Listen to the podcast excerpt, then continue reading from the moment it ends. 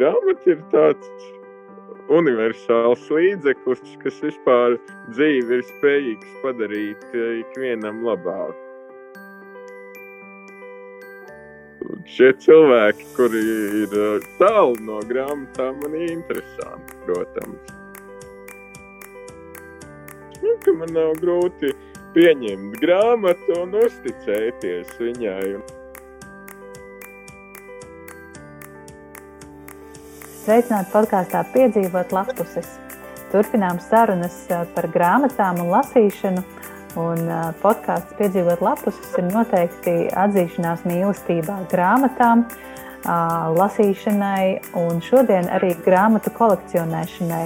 Jo mans viesis ir Hmm.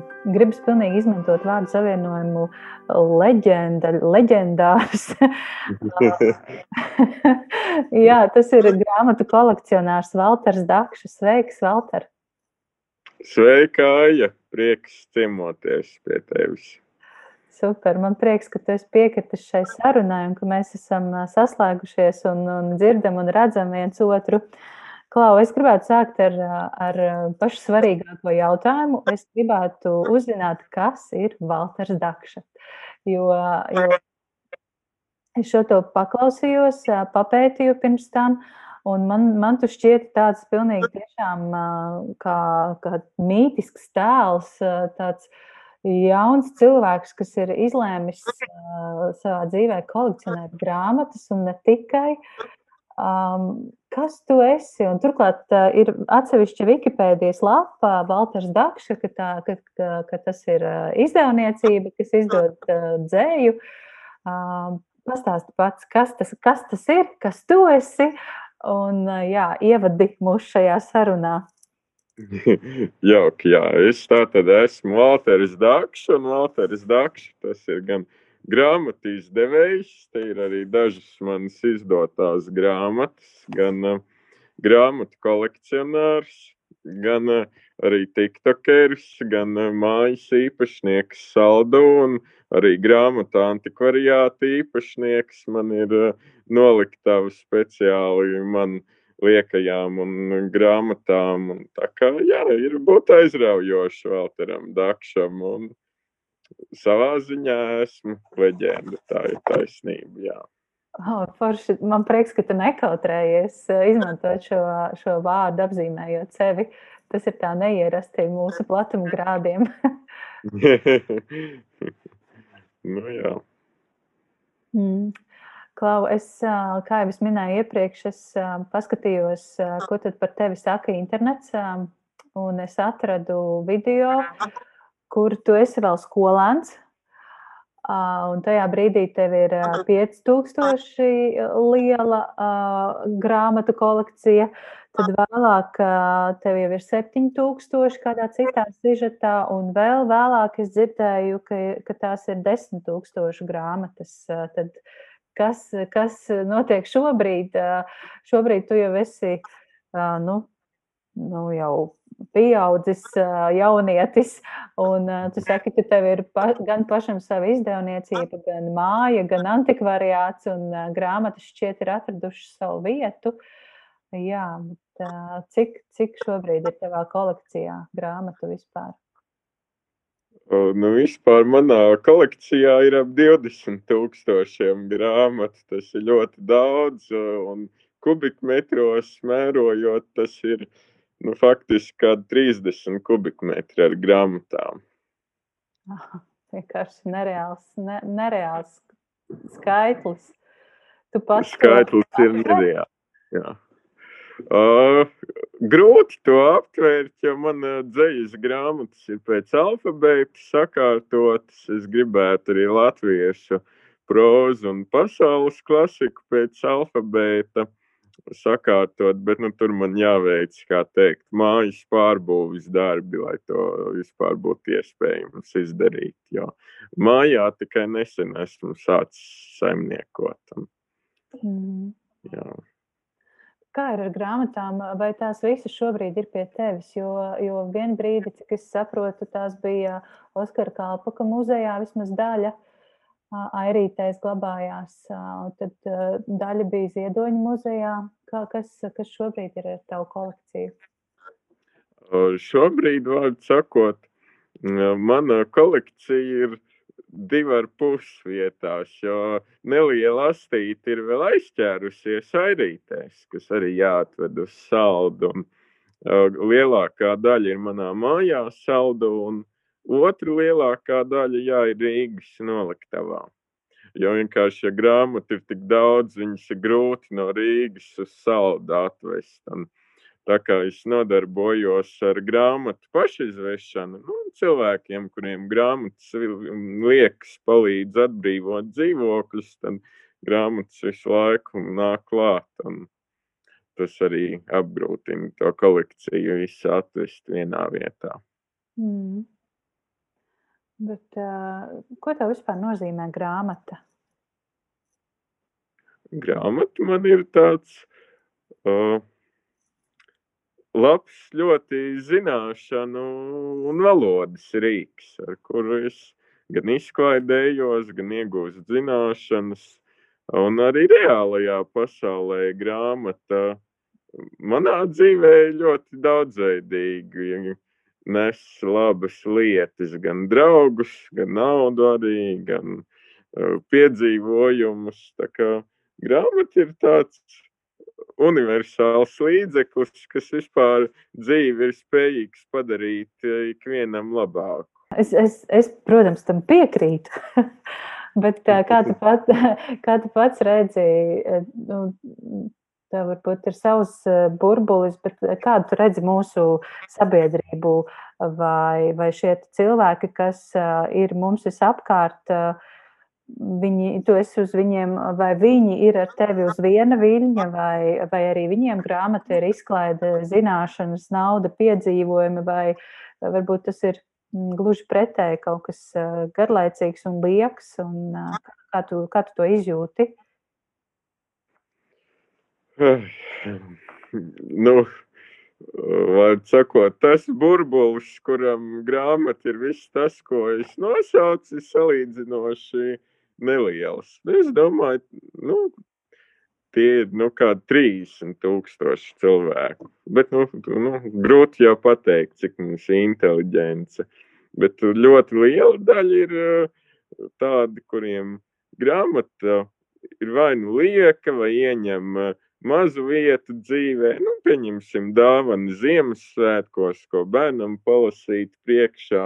Un, Ir, ir daudz, kuriem grāmatas ir vienaldzīgas, dažādi mehāniķi un tam līdzīgi, un ne tikai. Tā, tā ar tiem burbuļiem. Mm. Bet kā, ko, ko tu domā par tiem cilvēkiem, kam grāmatas ir vienaldzīgas? Tu esi tas uh, snobs intelektuāls, kas saka, ka viņi neko nesaprot un tikai es zinu, kas ir īstā vērtība, vai, vai tomēr tas tāds vairāk liberāls un demokrāt, demokrātisks attiecībā un domājot par citādāku pasaules uztveri? Es esmu šajā ziņā diezgan liberāls. Katrai. Katram cilvēkam ir savas lietas, kas viņu padara gudrākus. Un šajā laikmetā jau ir liels iespējas izvēlēties, kas būs tas tavs virzītājs spēks. Un, uh, tai nav jābūt obligāti grāmatai. Un uh, šie cilvēki, kuri ir uh, tālu no grāmatām, man ir interesanti, protams. Viņa valoda ir interesanta, jo to var izmantot literāros darbos, un to ir vērts arī uzsūkt, pierakstīt, izveidot tur mapīti, reku, pieņemsim, mana drauga Jankas no Zaņas mehāniķa valodas krātuvi, lai, nu, varbūt kādā literārā darbā sanāk iestrādā. Mm. Un kas, kas vispār notiek ar grāmatām latviešu mājās, latviešu dzīvokļos? Jo, man liekas, tu esi īstais cilvēks, kam to jautāt, jo ļoti daudz kas no šiem no šīm vecajām sekcijām padomju nonāk pie tevis. Un, un, jā, kāda vispār ir latviešu attieksme pret grāmatām kopumā? Kā tu to redzi? Kopumā uz masu ņemot ļoti nežēlīgi pret grāmatām ir bijusi attieksme, īpaši 90. un 2000. gados, kad notiek tāda paudžu nomaiņa. Tas saistīts arī ar Līgatnes papīra fabriku, kur, lai gan tagad ir bankrotējusi, bet viņiem ir saglabājusies tā daļa, kura nodarbojas ar makulatūras vākšanu. Un šajās makulatūras vākšanas kampaņās ir simtiem tūkstošiem tonu grāmatu nodotas. Jo tur bija tas, ka skolām deva papīru, un vecāki arī atbalstīja ar daudz grāmatām, jo tās padomju laikā veidojušās bibliotēkas. Viņš bija ļoti labas bibliotēkas, jo cilvēki pirka grāmatas, tas bija vienīgais informācijas avots, un tur bija daudz vērtīgi izdevumi. Tad, vārds sakot, šajos gados grāmatām bija grūti laiki. Bet tagad jau situācija ir mainījusies. Grāmata ir kļuvusi par vērtību, arī tik daudz grāmatu nenonāk makulatūrā. Grāmatas grāmatnīcās ir diezgan dārgas, un cilvēkiem visumā ir cieņa pret grāmatām. Daudzi arī labi glabā grāmatas, daudziem ir īpaši pasūtīti plaukti, ir plašas kopienas Facebookā, kuras interesējas par grāmatām.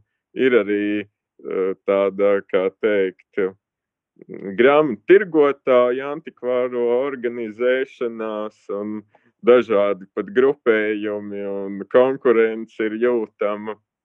Un, bet eh, tā praktiski jau var redzēt visu, ko uh, mājas bibliotēkās, gan super ekslibris, kas ir īpaša lieta, gan tu vari redzēt arī to, nu, ka grāmatas ir cītīgi lasītas, vai arī ne, ne, nevīžīgi, un ka istabā ir daudz smēķēts un dzērts, to arī no grāmatām nolasīt, ieraudzīt var visu ko. Mm, ļoti interesanti tas, ko tu tikko izstāstīji, ka uh, izklausās, ka grāmata ir tā tāds liecinieks, kā dzīves liecinieks, kā tas cilvēks ir dzīvojis, uh, uh, ko viņš ir darījis, ko pat ēdis, varbūt gatavojis savā mājā. Un, jā, grāmata kā, kā mūsu dzīves liecinieki. Um, tu, tu, tu saki, ka šobrīd tā situācija uzlabojas, ka grāmata ir lielāka vērtība un ka mm, mēs kopumā labāk izturamies pret šo investīciju, ko saucam par grāmatu, investīciju sevī. Tad uh, mūsu sabiedrībai ir cerība? Ir cerība, protams, jo uh, ir ļoti interesanti jaunākā latviešu literatūra. Tai var ar baudu sekot līdzi, daudz tulkojumu iznāk. Un, nu, literārais process ir aizraujošs, un tā ir laba zīme. Un aizraujošs ir arī zinātniskais process, kur iznāk dažādi pētījumi, kur pieprasa ilgu un smagu sagatavošanu. Un kuru izdošana pat ir mērām vairākos desmitos tūkstoši, jo tur ir krāsaini attēli. Un, mums ir nākotne, mums ir ļoti laba grāmatniecība, un es pat teiktu, ka mūsdienu grāmatas ir retākas par vecajām, senajām, piemēram, mūmaņu laiku grāmatām, jo tirāžas ir mazākas un uh, atkārtot metienu bieži vien pārāk daudz dārgi izdot, un tad sanāk, jā, ka mūsdienu grāmatas ir grūti dabūt, kad viņas izpārdotas, viņas ir pieprasītas, jo arī pašiem izdevējiem valda tāds uzstādījums, ka grāmata ir jāizpārdod divu gadu laikā, un ja tas nenotiek, tad tas ir nu, neveiksmīgs projekts, kā teikt. Un tas arī padara mūsdienu grāmatas retas un iekārojamas. Mm -hmm. Parunājam nedaudz par to grāmatu kolekcionēšanu. Um, cik, cik ilgi tu jau to dari? Uh, to es daru kopš 2013. gada pavasara. Mm -hmm. Tas sanāk, ka deviņi, astoņi gadi apmēram. Septiņi. Apmēram astoņi gadi, jā. jā, jā. Nu, nu, kā tas viss sākās? Man fascinē tas, nu, es pārsteidz tas stāsts, ka, ka tu pats vienkārši devies ciemos pie cilvēkiem, klauvēji pie durvīm un prasīja, vai jums nav kādas grāmatas, ko atdot. Un, un, un, un tā tā kolekcija arī aizsākās, ja? vai varbūt kaut kā citādāk pastāst pats. Jā, kolekcija tā arī aizsākās, ka Es klavēju pie mājām un lūdzu uzdāvināt grāmatas. Protams, pirmajā adresē, kur es to darīju, es biju ļoti nobijies, bet tā bija arī veiksmīga un uh, palīdzēja man vispār kļūt par krājēju. Jo tā pirmā grāmata bija vērtīga un interesanta 37. gada, kas iedeva to gaismu, nu, ka ir vērts tur klavēt un iet pie cilvēkiem, sarunāties. Un, Tur jau arī varēja redzēt, kā cilvēki dzīvo, kā teikt, un interesants stāsts uzzināt. Interesantākais stāsts bija, ka man viena krieviete uzdāvināja latviešu grāmatu, kur viņai bija viņas mammai uzdāvinājušas izsūtītās latvietas. Un tad, kad viņas mammai bija jādomā, nu, uz kurieni tad uh, braukt pēc izsūtījuma dzīvot. Tā viņa bija no Pēterburgas. Viņa izlēma, ka jābrauc uz Latviju, jo te ir jauki cilvēki, kur atbalsta viens otru.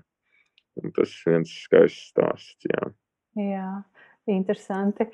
Bet es tā mēģinu iedomāties, tāds jauns puisis, tu vēl tajā laikā mācījies skolā. Un uh, tu vienkārši izdomā, es tagad tieši prasīšu cilvēkiem grāmatas, un uh, es, es mēģinu saprast to tavu uzņēmību, to tavu drosmi un to tavu sajūtu, kas tev tajā brīdī bija, ka tev vajag grāmatas, ka tu vēlēs lasīt, uh, ka, ka jā, vēlēs iegūt kaut kādu informāciju, un tu vienkārši paņem pieklāvē pie pilnīgi svešu cilvēku durvīm. Uh, Un, un tur tas tā kā tāds brīnums, gandrīz maģija notiek, ka šie cilvēki ir atsaucīgi un, un iedod šīs grāmatas. Un, jā, es, es domāju, cik daudz stāstu tev ir bijis vispār šo grāmatu medību laikā. Tur vesela, vesela pašam grāmata jāuzraksta par to. Nē, es par to domāju. Esmu par to domājis, un vispār arī esmu kaut kādā rakstīšanas priekšfāzē, nu, kad jāveic zinām sagatavošanās un tā, jo vairāk draugi jau, kā teikt, eh, uzstāja, ka jāvāt ar laiks grāmatu uzrakstīt. Droši vien, ka draugi bieži dzird dažādus stāstus uh, no piedzīvotā šajās, šajās grāmatmedībās. Jā, man dzīvē vispār uh, gan daudz brīnumu notiek, gan arī daudz piedzīvojumu ir. Tas ir skaisti. Jā. Mm. Es labprāt dzirdētu kādu brīnumu, kādu piedzīvojumu vēl. nu, viens mans piedzīvojums saistīts ar um, ļoti unikālu grāmatu kolekciju, ko es pagājušajā gadā atklāju. Es biju ielicis Facebook marketplace sludinājumu, ka iepērk grāmatas. Un man viena sieviete piedāvā grāmatu plauktus. Nu, padomju laika klasiskos grāmatu plauktus, kas bija universitātēs un tam līdzīgi. Nu, man it kā garāžā plauktus nevajag, lai no Rīgas vestu plauktus. Tobrīd tas bija par tālu. Un es tā arī neaizbraucu apskatīties tos plauktus. Un eh, tad viņi man uh, grib piedāvāt grāmatas. Es diezgan skeptisks esmu, bet viņi man piezvana Vācijā, un es ieraugu tur 19. gadsimta latviešu literatūras pirmizdevumus, skaistos iesējumos, saprotu, nu, jābrauc skatīties, kā teikt. Ah, un es aizbraucu un uzzinu tādu interesantu stāstu, ka šī sieviete ir mazmeita literatūra vēsturniekam, zinātniekam Jānim Albertam Jansonam, ka faktiski šī sieviete ir izkrāpusi pārējiem mantiniekiem zemi, jo Jansonam bija pieci vai septiņi bērni. Un tad uh, faktiski jā, šī sieviete izkrāpusi ir zemi, māju viņai nav sanācis izkrāpt, un pārējie mantinieki nolēmuši ir māju pārdot izsolē, un to ir nopircis ķīnietis it kā grāmatu dēļ. Un tad viņi ir bijuši spiesti šos plauktus atbrīvot, un grāmatas novietot jūras konteinerā, mājas pagalmā. Un tad tur es ieraugu uh, pilnu jūras konteineru, 5 kubikmetri ar uh, fantastisku grāmatu kolekciju. Jo jau Aleksandrs Čaks raksta par šo Jāņa Alberta uh, Jansona nu, kolekciju, ka tur daudz retumu, es, es tur arī skaistu gliku bībeli ieraudzīju. Un tā man neizdevās šo kolekciju iegādāties.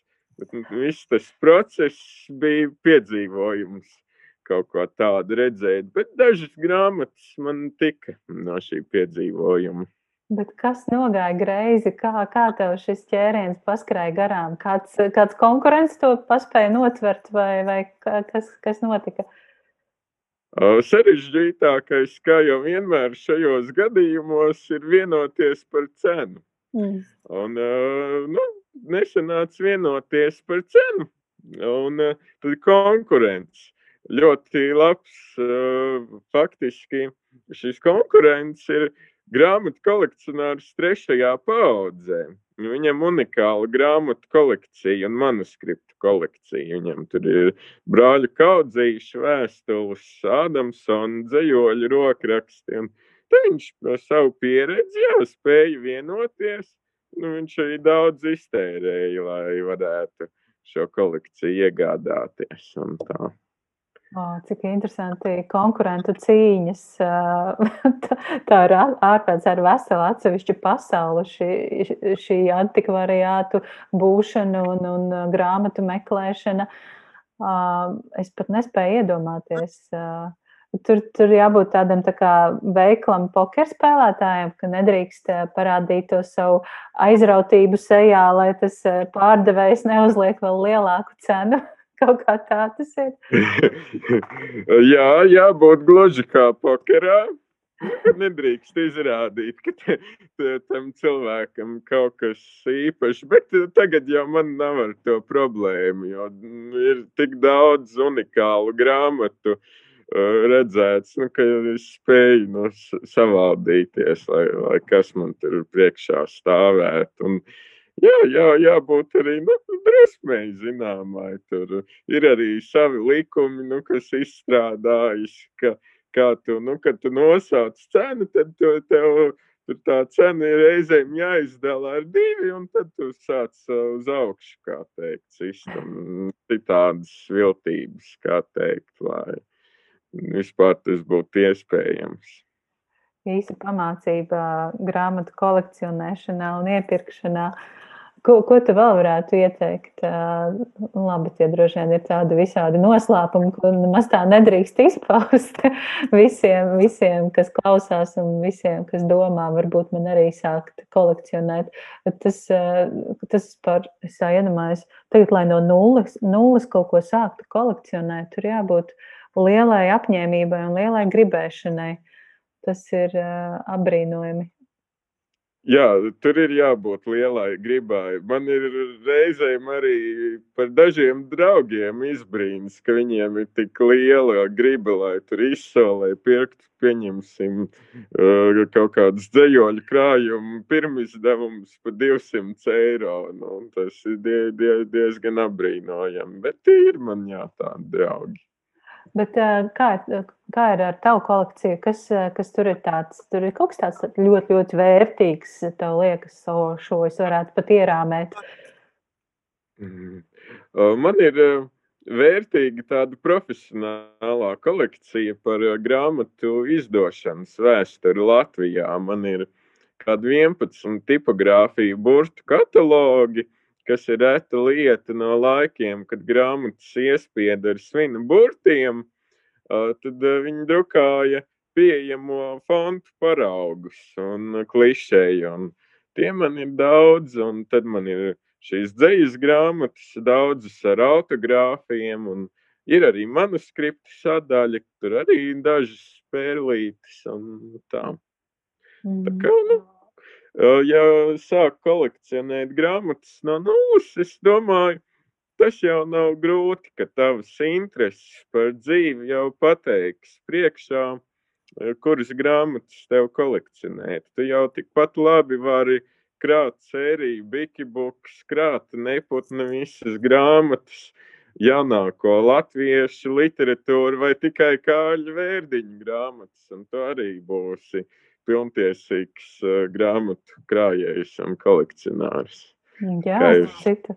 Uh, Bikibuks nemaz tā vairs nevar dabūt. visi, visi nemaz nav nopērkami. Mums mājās ir eh, mazliet, eh, mazliet, virs, mazliet nedaudz vairāk par pusi bikibuku. Bet, nu, gribas visus, nu, tad ir jāmeklē, ja? Kur, kur tu ieteiktu meklēt grāmatas?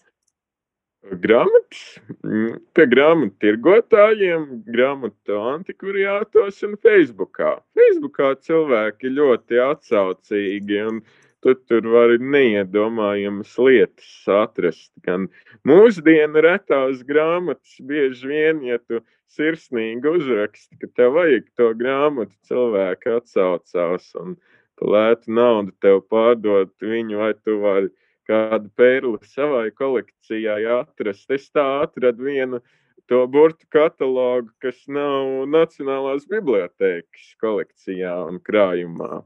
Facebookā vienkārši ierakstot, ka vēlos šo katalogu. Tik vienkārši? Jā. Tas ir atkal kaut kāds tavs dzīves brīnums, manuprāt. Droši vien, jā.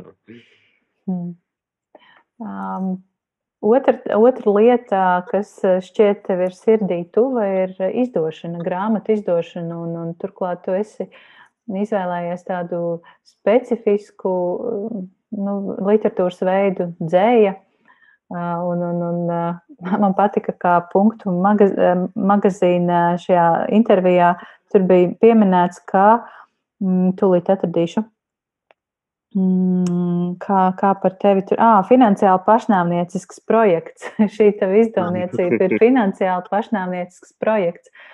Uh, Jā, bet tiešām, kāpēc, kāpēc dzēja? Jo kurš, kurš lasa dzēju mūsdienās? Cik daudz ir tādu cilvēku, kas lasa dzēju un pērk dzēju? Kāpēc tieši dzēju tu esi izlēmis izdot?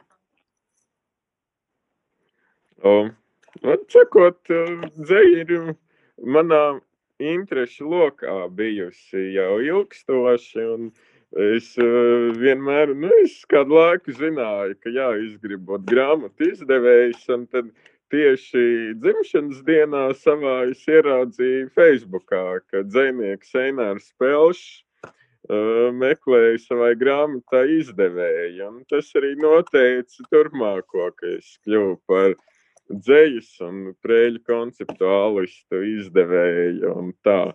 Protams, daudz tie projekti tiešām ir finansiāli, kā teikt, neizdevīgi, kurus es esmu nosedzis ar kaut kādu antīku grāmatu pārdošanu, bet tas man arī sagādā prieku, ja es varu kaut ko senāku pārdot un izdot uh, mūsdienu dzēniekiem, kā teikt, grāmatas skaistas, interesantas, neparastas, avangardiskas.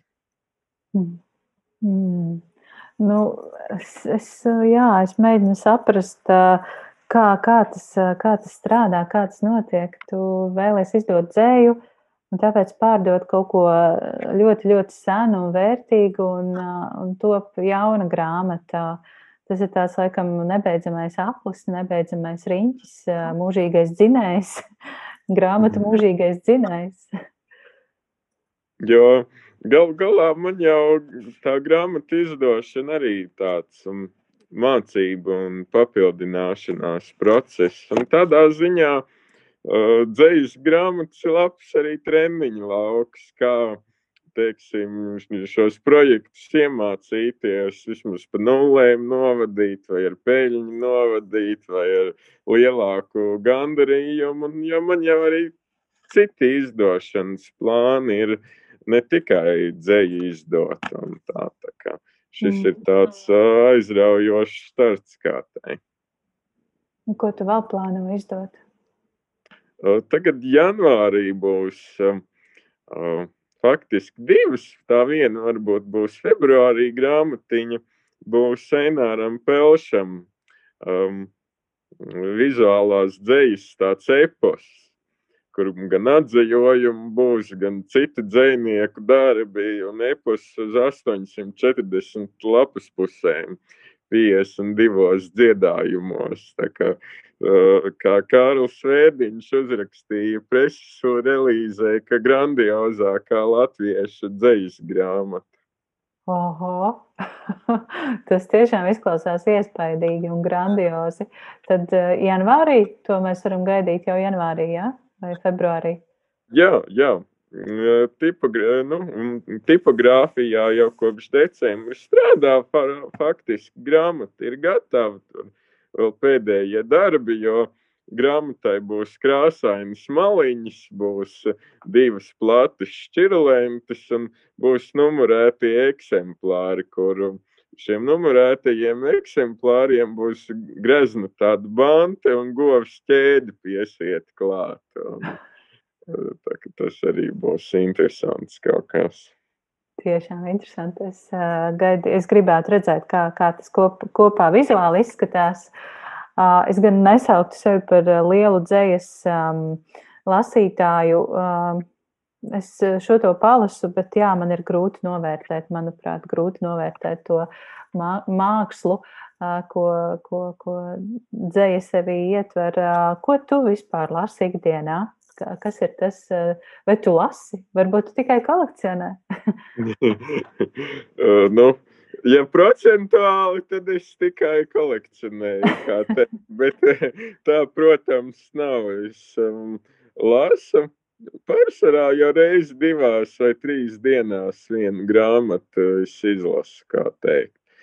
Vai nu tā ir kāda dzīves grāmata, Jo es šogad, teiksim, esmu sapratis, ka man jādod parāds dažiem draugiem, kurus es pazīstu, dziniekus, rakstniekus, bet neesmu viņu grāmatas izlasījis. Un tad eh, to es daru, un tad eh, man patīk, protams, kaut ko ļoti skaistu un ļoti retu lasīt. Nu, teiksim, Ziemassvētkiem izlasīju Čārlza Dikensa Mārlēja Gars grāmatiņa pa Ebenīzeru Skrūģu 1912. gada izdevumā latviešu valodā pirmizdevums.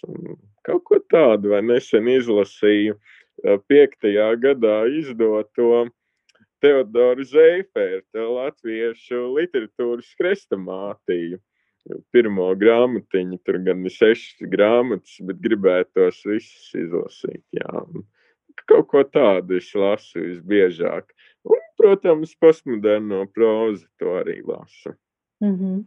nu, iesaka kā, kaut ko, kā, kaut ko konkrētāku, kas no tās postmodernās prózas tāds interesants pēdējā laikā lasīts. Un, uh, jā, varbūt klausītājiem var ieteikt kaut ko arī no tiem draugiem, rakstniekiem, ko tu esi izlasījis, vai, vai ko tu gribi izlasīt, vai kas ir paticis ļoti. Es varētu ieteikt, jā, protams, izlasīt savas izdevniecības pirmo grāmatu Demona kondom. Tā ir pelša brīnišķīga grāmata. Varu ieteikt savu draugu un paziņu grāmatas, kuras šogad un pagājuši gadu ir e, iznākušas plašā klāstā. Tur Raimondam Čirķim, Andim Surguntam, Lotē Vilmai Vītiņai, Steinbergam, Ivaram. Viņiem visiem ir brīnišķīgas grāmatas. Noteikti ieteikt izlasīt. Jurkunas grāmatas šobrīd strādājam pie kunas kopoto rakstu izdošanas divos sējumos. Un Protams, jāizlasa ir uh, Džeimsa Džoisa Ulis. To arī vajag izlasīt. Tas ir obligātais. Tas, manuprāt, Ulis, tas ir tāda uh, liela daļa cilvēku apņemšanās šogad. Nu, tad es izlasīšu beidzot to Ulis. Un es uh, sekoju dažiem uh, Krievu, krievu, krievu blogeriem un podkāstu veidotājiem, un tur šobrīd ir arī akcija Lasīsim kopā Ulisu, un to apspriedīsim. Un, uh, es esmu daļu Ulisa lasījusi studiju laikā, uh, bet es šķiet visu arī tā arī neizlasīju. Kāpēc Ulis būtu jāizlasa pastāstīt? Redzi, man ir divas grāmatas, vispār, ne, trīs vispār, kuras man ir nozagtas. Mm, pirmā grāmata, kur man nozaga, bija vizuālās dzejas antoloģija Krievu valodā, izdota Kaļiningradā kolosāls tas sastādītājs, un tur ir viss pasaules vizuālās dzejas izlase ļoti spēcīga. Un tad viens draugs dzēnieks, jā, nozag man šo grāmatu. Un tad otra grāmata, ko man nozag, ir, protams, sulis, nu, kur es nesāju līdzi, lasīju, izlasīt nepaspēju. Tas arī bija Ulis pirmizdevums latviešu valodā no Rolfa Ekmaņa bibliotēkas.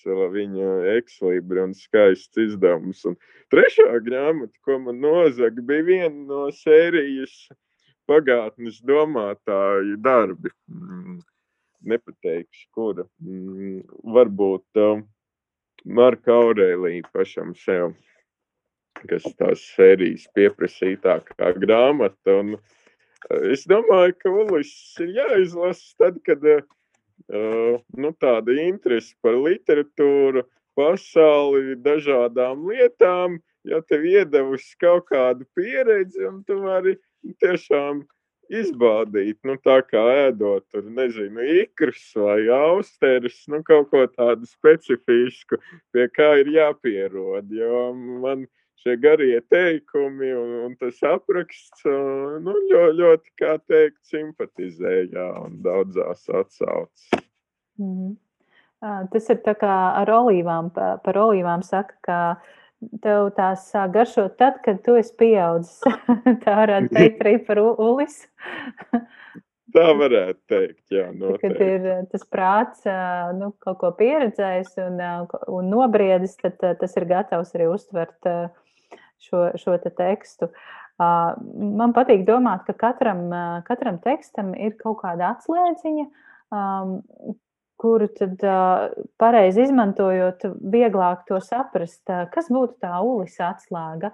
Ja es tagad ķertos tam klāt, ko, ko tu man varētu iedot, kāda būtu atslēdziņa, lai es labāk spētu to, nu, lai es labāk spētu sagramot, sas, satikties ar šo tekstu? Mm.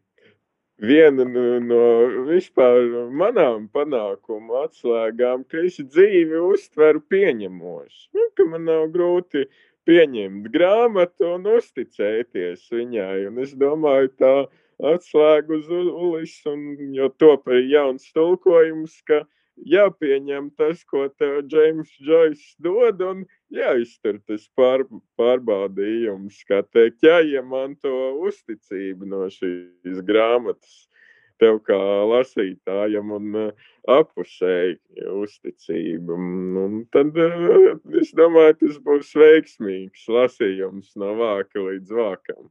Mm. Mm. Interesanta doma.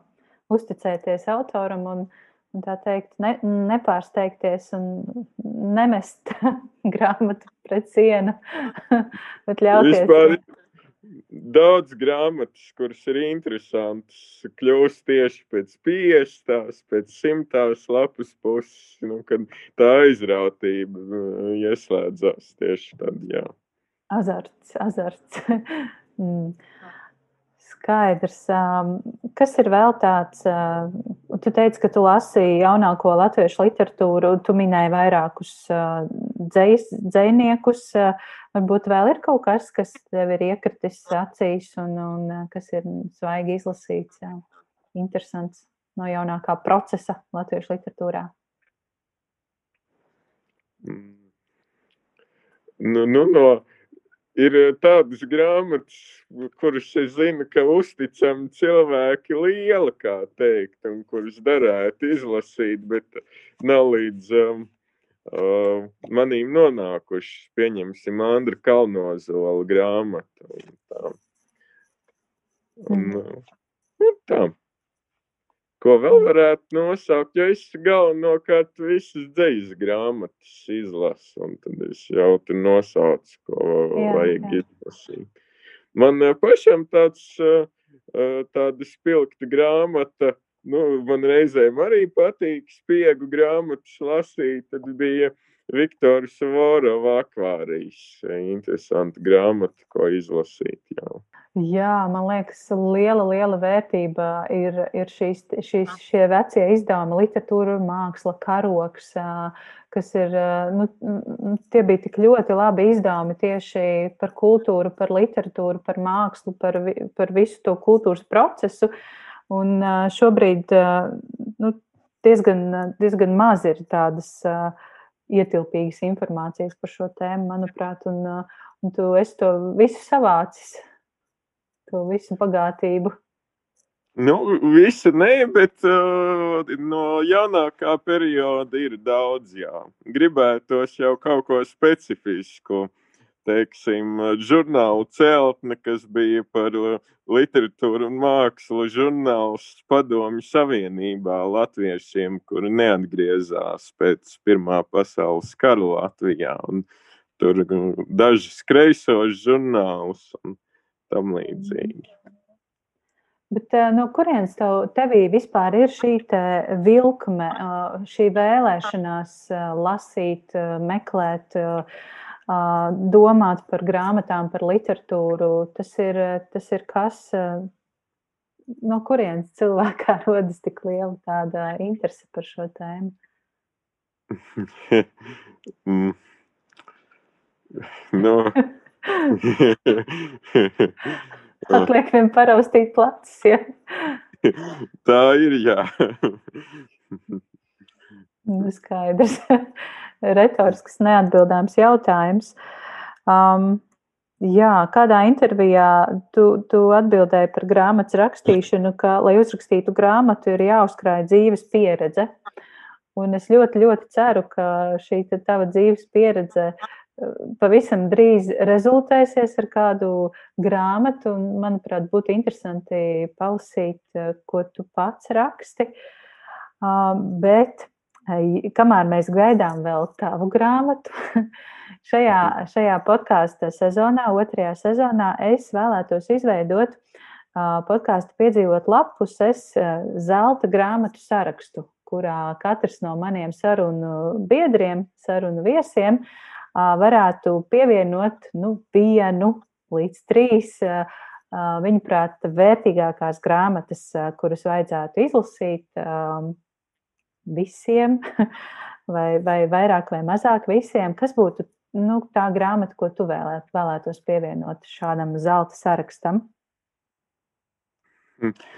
Nu, grūts jautājums, jo prātā nāk vairākas. Nāk prātā, nu, teiksim, Dans Kihots, tas pats Ulis, nu, Dantas dievišķā komēdija, kaut vai nāk prātā vairāk nezināmi, pilnīgi dzējoļi krājumi. Un, mm, ja man jāpievieno viena, es noteikti tad. Uh, pievienošu grāmatu Slēngas pilsētas ielās. Tas ir Jura Kunnas dzējoļa krājums Rīgai veltīts.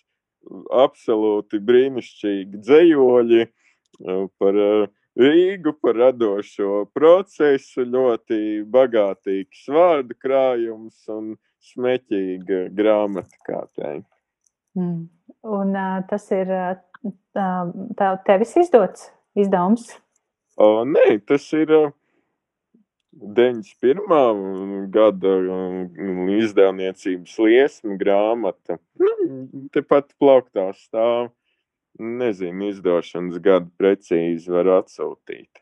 Mm -hmm. Jā, tā ir tiešām izcila dzējas grāmata. Mm. Nu, skaisti. Ļoti, ļoti negaidīts ieteikums, bet uh, lieliski man patīk. Paldies! Es tātad šo pievienoju podkāstā piedzīvot lapuses zelta grāmatu sarakstam. Un šis saraksts būs pieejams, pieejams atsevišķā failā, un tas pildīsies visas, visu sarunu gaitā pamazām. Arvien plašāks un, un interesantāks un liels sākums Juris Kunnus slangs pilsētas ielās. Starp citu, zelta sarakstus ļoti vajag, jo daudzi cilvēki tiešām vadās pēc sarakstiem, teiksim, top 100 pasaules izcilākās grāmatas un sūta man šo sarakstu un jautā, kuras grāmatas var viņiem pārdot no šī saraksta, vai līdzīgi ar top 100 latviešu labākajām grāmatām un top 100 krievu grāmatām. Un cilvēkiem reāli šie saraksti ir tāds uzticamības avots, kā teikt, ka nu, to nu vajag izlasīt. Kā tev pašam tev bija kāds, vai ir kāds saraksts, pēc kura tu vadies, vai tev ir kāda piezīmju lapiņa, kurā ir sarakstītas grāmatas, kuras noteikti jādabū? Nu šajā posmā man vairs nav tāds saraksts ar grāmatām, kuras noteikti jādabū, jo daudzas jau man ir, daudzas ir bijušas un aizlaistas tālāk. Bet no tāda saraksta ir, protams, tādi nu, mīļi izdevumi, kuri ir šajā apzeltītajā sarakstā un būs tur ilgi un uz palikšanu. Mm. Nu, skaisti. Um, ko es tev varētu novēlēt? Man liekas, ka tu esi tik uh, mierīgs un pašpietiekams cilvēks. Es gribētu to novēlēt, eh, vien eh, nu, turpināt to, ko tu dari, un būt mierā ar to, ko tu dari. Un, eh, jā, nest, nest šo, te, šo, šo grāmatu mīlestības gaismu sev visapkārt un turpināt to, ko tu dari. Un es gaidīšu jaunākos izdevumus. Esmu intriģēta jau paskatīties, pašķirstīt, palasīt to, kas būs izdots izdevniecībā Valters Dakša.